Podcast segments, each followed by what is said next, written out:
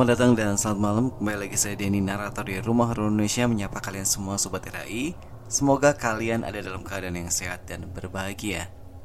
Pada malam hari ini saya akan kembali membacakan cerita-cerita menegangkan yang ditulis oleh Didi Girl Yang linknya akan saya berikan nanti di deskripsi Supaya kalian bisa baca sendiri dan support penulis.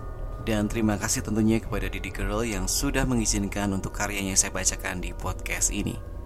Nah, yang sebagaimana menjadi ciri khas dari Didi Girl di mana ada adegan yang cukup sadis. Maka untuk kalian yang belum cukup umur atau kalian yang tidak nyaman dengan hal-hal yang agak sadis, boleh skip episode kali ini. Nah, buat yang lain, yuk gas. Untuk cerita yang pertama adalah prey atau mangsa. Tetesan hujan mulai mereda meski belum sepenuhnya berhenti. Livia, gadis berusia 8 tahun itu menatap jalanan kosong di depannya. Tak terlihat satupun orang yang lewat, bahkan satu kendaraan pun tidak terlihat melintas sejak dia berdiri di situ satu jam yang lalu. Gadis berambut hitam itu merapatkan jaketnya. Udara dingin bulan Desember terasa begitu menusuk, membuat bocah kecil itu menggigil hingga gigi-giginya gemeretak. Netra berwarna hitam pekat itu mengedar di sepanjang jalan kosong. Dia mengembuskan napas lega saat mendapati sebuah mobil berwarna merah dari kejauhan. Olivia mengambil tas ranselnya, lalu sedikit mendekat ke jalan. Dia menunggu sampai mobil itu cukup dekat dan melambaikan tangan kecilnya, berharap siapa pun yang mengemudi dapat melihat dan menolongnya. Mobil tersebut melambat sebelum berhenti tepat di depan Livia. Kaca jendela terbuka menampakkan pria dewasa berbadan subur, janggut tipis yang terlihat tidak terawat, membuatnya terlihat tak bersahabat. Namun Livia sudah kehabisan pilihan. Hei nak, apa yang kau lakukan di tengah jalan begini? Pria itu bertanya. Suara kasarnya membuat Livia sedikit takut, tapi dia sangat butuh tumpangan. Aku tersesat, paman. Bolehkah aku minta tumpangan? Tanya Livia memelas. Kedua matanya tak beralih dari wajah sang pengemudi berharap dapat membuat pria berambut tipis itu merasa kasihan. Maksudmu, kau hanya sendirian? Pria itu hampir tak percaya. Iya, paman. Kedua tangan Livia memeluk dirinya, berusaha mencari kehangatan saat angin dingin menyesap ke dalam tubuhnya. Mata laki-laki itu memandangi bocah kecil di bawah gerimis tersebut. Rambut hitam dan kulit putih bersih Kedua mata bulat berwarna hitam menatapnya dengan penuh kepercayaan. Dari caranya berpakaian, anak itu tidak terlihat seperti orang miskin. Jelas sekali, keluarganya orang berada, namun terlalu bodoh hingga membiarkan putri mereka yang begitu cantik sendirian di pinggir jalan.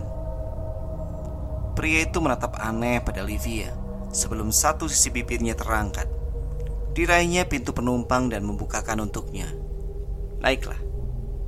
Livia tersenyum segera berlari ke dalam mobil bersama pria baik yang menolongnya. Di mana kau tinggal, Nak? Livia menatap laki-laki itu saat dia bertanya. Aku tinggal di dekat gereja Saint Andrew. Apa paman tahu tempatnya? Tanyanya polos. Ah, tentu. Tentu saja aku tahu. Dia menatap sang bocah dan menyeringai. Kau tenang saja. Aku akan mengantarmu pulang. Kau duduk saja yang tenang. Sesuatu pada suara pria itu membuat Livia sedikit gugup. Tapi dia mencoba menutupinya. Terima kasih paman. Aku ingin cepat pulang karena Tommy hanya sendirian di rumah, jelasnya. Pria itu menatapnya beberapa saat. Sesuatu melintas di balik matanya. Sebelum kembali menatap jalanan dan bertanya, "Siapa Tommy?" Livia tersenyum menampilkan deretan gigi putih yang tersusun rapi. Tommy itu adikku, dia baru lima tahun. Oh, pria itu kembali tersenyum. Sebaiknya tidak membuat adikmu menunggu terlalu lama, bukan? Bisiknya. Gadis kecil itu tertawa lega dan mengangguk. Siapa nama paman? Dia kembali bertanya. Aku Livia. Segera ia menambahkan. John. Panggil saja aku John. Mobil itu melesat cepat, melewati jalanan basah, mengakibatkan percikan air dari keempat rodanya. Tidak terdapat plat nomor padanya. Beberapa bagian mobil terlihat penyok, seolah telah beberapa kali mengalami tabrakan. Apakah rumahmu sudah dekat? Tanyanya saat mereka melewati gereja Saint Andrew. Oh, di sebelah sana. Belokan kecil memutari gereja. John mengangguk mengikuti arahan yang diberikan Livia. Mereka berhenti di depan sebuah rumah cukup besar yang posisinya terbilang cukup jauh dari rumah-rumah lain di lingkungan tersebut. John melangkah keluar dari mobil dan mengunci pintunya, membuat mata hitam milik gadis delapan tahun itu membulat. Kau tunggu saja di situ, aku akan jemput adikmu. Dia mendatangi rumah tersebut dan ya, tampaknya rumah ini dalam keadaan kosong. John mencoba mengetuk pintu. Saat ada jawaban, pria itu mencoba handle pintu dan terkejut saat menyadari kalau pintu tidak terkunci. John menyeringai melangkah pelan ke dalam. Sebodoh apa orang tua dari anak-anak ini? Pikirnya dalam hati. Ruang tamu berukuran cukup luas itu terlihat lengan. Tak ada satupun orang di dalamnya. Mata coklat itu mencari-cari, mengamati ruangan demi ruangan. Sebelum suara tawa kecil menangkap perhatiannya. Suara itu terdengar dari bagian belakang rumah. John mengikuti sumber suara yang membawanya pada sebuah pintu tertutup. Ia membuka dan mendapati bocah laki-laki duduk di tengah ruangan bersama beberapa mainan yang tercecer di sekitarnya. John melangkah mendekat. Halo Tommy. Bocah laki-laki itu menghentikan permainannya dan menoleh terkejut. Kedua mata yang terlihat identik dengan Livia menatap takut padanya. John nyeringai sebelum matanya mendapati apa yang ada di tangan bocah laki-laki tersebut. Benda putih yang terlihat seperti tulang manusia. Apa-apaan ini? Teriaknya tepat saat hantaman benda keras mengenai belakang kepalanya. Menyebabkan laki-laki gemuk itu jatuh tersungkur. Tubuhnya menggelepar manakala pukulan bertubi-tubi mendarat ke kepalanya Menyebabkan darah segar mengalir keluar bersamaan dengan cairan otaknya. Tubuhnya berhenti bergerak. Kepalanya terlihat hancur tak berbentuk. Bocah laki-laki itu menatap pada sang ayah yang masih memegang balok kayu yang dipenuhi paku Terlihat beberapa serpian kulit kepala dengan rambut coklat yang sudah dikotori darah menempel pada ujung-ujung paku. Bocah itu tersenyum, mengusap wajahnya yang terkena cipratan darah segar. Sang ayah merokok kantong dari tubuh John yang sudah tak bernyawa. Dia mengeluarkan satu set kunci dan memberikannya pada Tommy. Jemput kakak, aku harus cepat mengurus ini agar tetap segar. Tommy mengambil kunci dari ayahnya, berlari keluar dengan tawa girang. Dia menuju ke mobil di mana Livia masih terkurung di dalamnya. Bocah itu membukakan pintu, membiarkan kakak perempuannya keluar sebelum keduanya kembali ke dalam rumah. Pekerjaanku bagus kan ya? Tanyanya riang, mendekati sang ayah yang sudah mulai memotong bagian-bagian tubuh korban terbarunya. Ayahnya menatap wajah sang putri. Iya, tangkapan bagus, Liv. Jawabnya bangga. Tampaknya kau sudah belajar dengan baik, pujinya membuat sang putri tersenyum senang. Livia sudah terbiasa melakukan ini. Sudah dua tahun sejak ayahnya mengajarkan gadis cantik itu berburu. Dan sekarang Livia sudah sangat mahir dalam melakukannya. Dia hanya perlu memancing orang-orang ke rumahnya, lalu ayahnya yang akan menyelesaikan semua. Dan selama dua tahun ini, dia tidak pernah gagal membawa hasil buruannya yang membuat ayahnya bangga. Bagaimana dengan mobilnya ya? Tanyanya mengingat mobil merah tanpa plat di depan rumahnya. Ayah yang akan mengurus seperti biasanya. Bocah itu tersenyum, senang karena sekali lagi telah membuat sang ayah bangga. Pria tadi terlihat cukup besar. Livia yakin dia bisa bertahan selama lebih dari seminggu. Itu artinya Livia tak perlu berburu sementara waktu. Dia pergi ke kamar tidurnya, mengeluarkan jurnal kecil yang berhasil dia ambil dari mobil John. Livia meletakkan jurnal itu ke dalam lemari kecilnya, di mana ia menyimpan koleksi yang ia ambil dari setiap korban yang berhasil ia tangkap. Matanya menangkap kotak hitam di sudut lemari. Livia mengambil dan membuka kotak tersebut. Sebuah kalung berantai emas dengan liontin merah muda berbentuk hati. Dia berjalan ke depan kaca rias dan memakai kalung tersebut lalu tersenyum. Kalung ini adalah koleksi favorit Livia. Berasal dari korban pertamanya seorang gadis SMA berambut pirang bernama Claire. Mendengar suara mesin mobil dari luar rumahnya, gadis itu tersenyum. Ayahnya harus segera membuang mobil tersebut. Kemungkinan ayah akan menghancurkan mobil tersebut sebelum dibuang. Untuk kisah yang kedua, ini berjudul Hide atau Sembunyi. Derap langkah berat terdengar memecah kesunyian. Netra hitam bocah tujuh tahun itu mengedar ketakutan dari tempatnya bersembunyi. Tangan kirinya menutupi mulut, khawatir mengeluarkan suara yang akan membongkar tempat persembunyiannya. Di tangan kanannya, sebuah pisau dapur besar berada di antara jari-jari kecilnya yang gemetar. Benda dingin itu tak seharusnya ada pada bocah perempuan itu. Dia ingat betul seberapa sering ibunya memperingatkan bahaya benda tajam tersebut. Namun sekarang menatap takut pada dua pria yang menuruni tangga dengan pistol di tangan. Hanya satu yang dia pikirkan, membela diri sekuat tenaga. Butiran bening menumpuk di dalam matanya sebelum tetesan pertama jatuh di sudut mata, diikuti tetesan-tetesan berikutnya. Darah sang ayah masih terlihat membasahi anak tangga, di mana salah seorang pria tadi masih berdiri. Bocah itu tahu Pria itu sedang mencarinya, tapi dia tidak akan membiarkan dirinya tertangkap. Tidak ke tempat di mana mereka akan membawanya. Matanya menatap pisau besar yang masih berlumuran darah. Seharusnya dia bekerja lebih rapi. Pikirnya sambil mengamati kedua petugas yang sibuk memeriksa seisi rumah. Jadi cerita kedua ini pendek banget ya. Dan mestinya kalian sudah tahu ya Berarti siapa pembunuhnya. Oke kita ke cerita terakhir untuk hari ini. Judulnya Tommy. Tapi Tommy ini bukan yang Tommy yang dicerita pertama tadi ya. Oke langsung.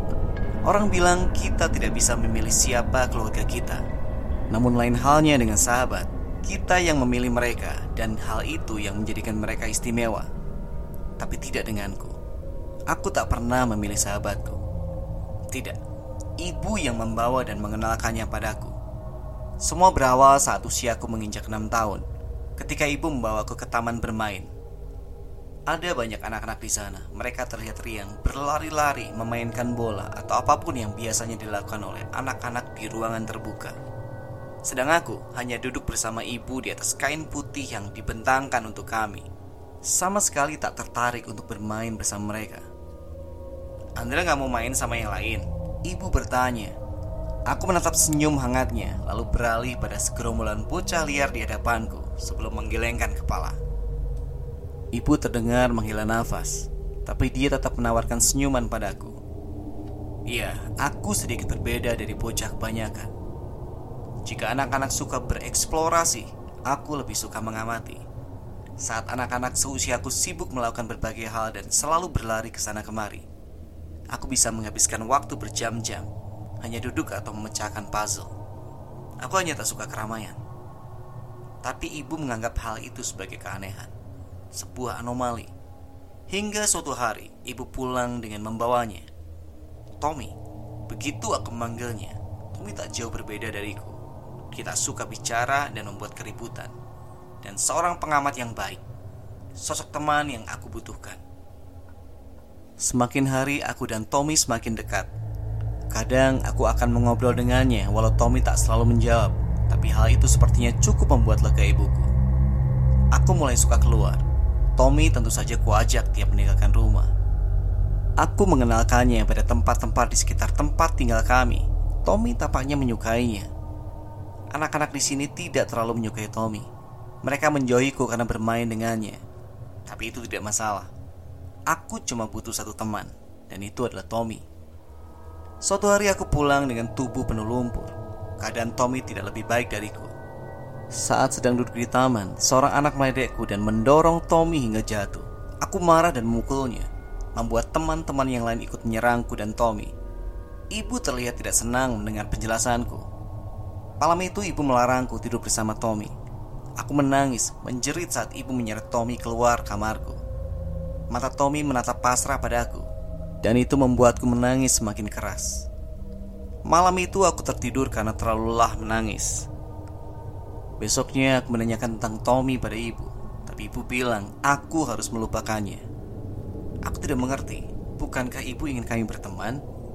Lalu kenapa sekarang ibu malah memaksa kami berpisah? Aku marah dan melempar piring sarapanku ke lantai. Ibu berteriak membentakku. Ibu tak pernah marah sebelumnya dan ini membuatku sedih. Aku berlari dan mengurung diri di kamar. Dua hari berlalu dan ibu masih berusaha membujuku agar aku mau makan dan bersekolah lagi. Aku tidak menghiraukannya. Tidak hingga ibu membawa Tommy kembali. Pada hari ketiga, ibu maksaku ikut bersamanya. Wajahnya terlihat sedih tapi bibirnya menambahkan senyuman. Jadi aku tidak tahu jika ibu sedang sedih atau senang. Aku mengikuti ibu keluar kamar dan betapa terkejutnya saat aku melihat Tommy duduk di kursi ruang tamu. Aku berlari dan memeluknya dan berterima kasih pada ibu. Kami pergi ke kamarku dan aku menceritakan pada Tommy hari-hariku saat dia tidak ada. Tommy mendengarkan semua ceritaku dengan penuh perhatian. Aku semakin dekat dengan Tommy setelah perpisahan waktu itu. Ibu terlihat makin tidak menyukai Tommy, tapi setidaknya dia membiarkan Tommy tetap di rumah kali ini. Hari itu ibu membawaku keluar, bukan ke sekolah, tapi ke sebuah gedung besar. Di sana kami bertemu dengan seorang pria tua yang terus menanyaiku dengan pertanyaan-pertanyaan aneh. Aku tidak menyukainya, tapi menurut ibu, pria itu orang baik yang ingin membantuku. Tapi aku tidak perlu dibantu. Aku tidak memiliki masalah. Pada pertemuan ketiga aku dengan pria itu, dia menanyakan tentang Tommy. Aku menjawab dengan gembira bahwa Tommy adalah sahabat sekaligus adikku. Pria itu tertawa dan mengatakan ingin berkenalan dengan Tommy.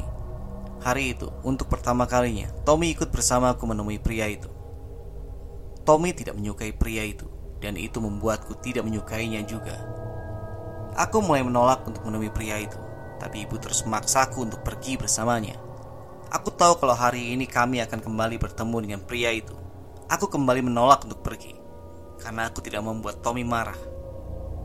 Ibu benar-benar muak mendengar apa yang Tommy mau. Sekarang lihat, ibu membuang Tommy keluar. Aku menjerit saat ibu mulai menarik Tommy. Aku berusaha memeganginya, tapi ibu jauh lebih besar dan lebih kuat. Tidak, tidak, jangan. Aku berlari mengikuti ibu yang menyeret Tommy menuruni tangga. Tubuh kecil Tommy terus membentur anak tangga tapi ibu seolah tidak peduli. Aku panik, ibu seperti kerasukan.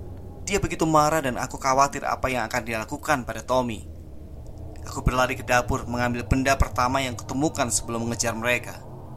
Kulihat ibu juga masih menyeret tubuh Tommy yang terkulai lemas. Kakiku berlari secepat mungkin, menyergap dari belakang. Pisau di tanganku menancap ke punggung ibu, membuatnya melepaskan Tommy karena terkejut. Matanya menatapku tak percaya. Tangannya meraba pisau yang sekarang bersarang di punggungnya.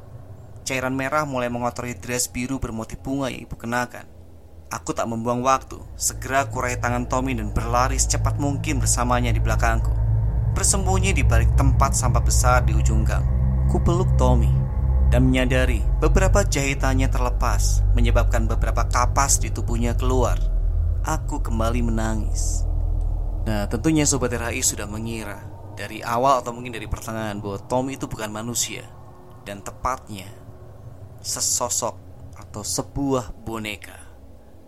Oke itu semua cerita-cerita untuk hari ini. Semoga kalian terhibur. Sampai ketemu di cerita berikutnya. Selamat malam. Selamat beristirahat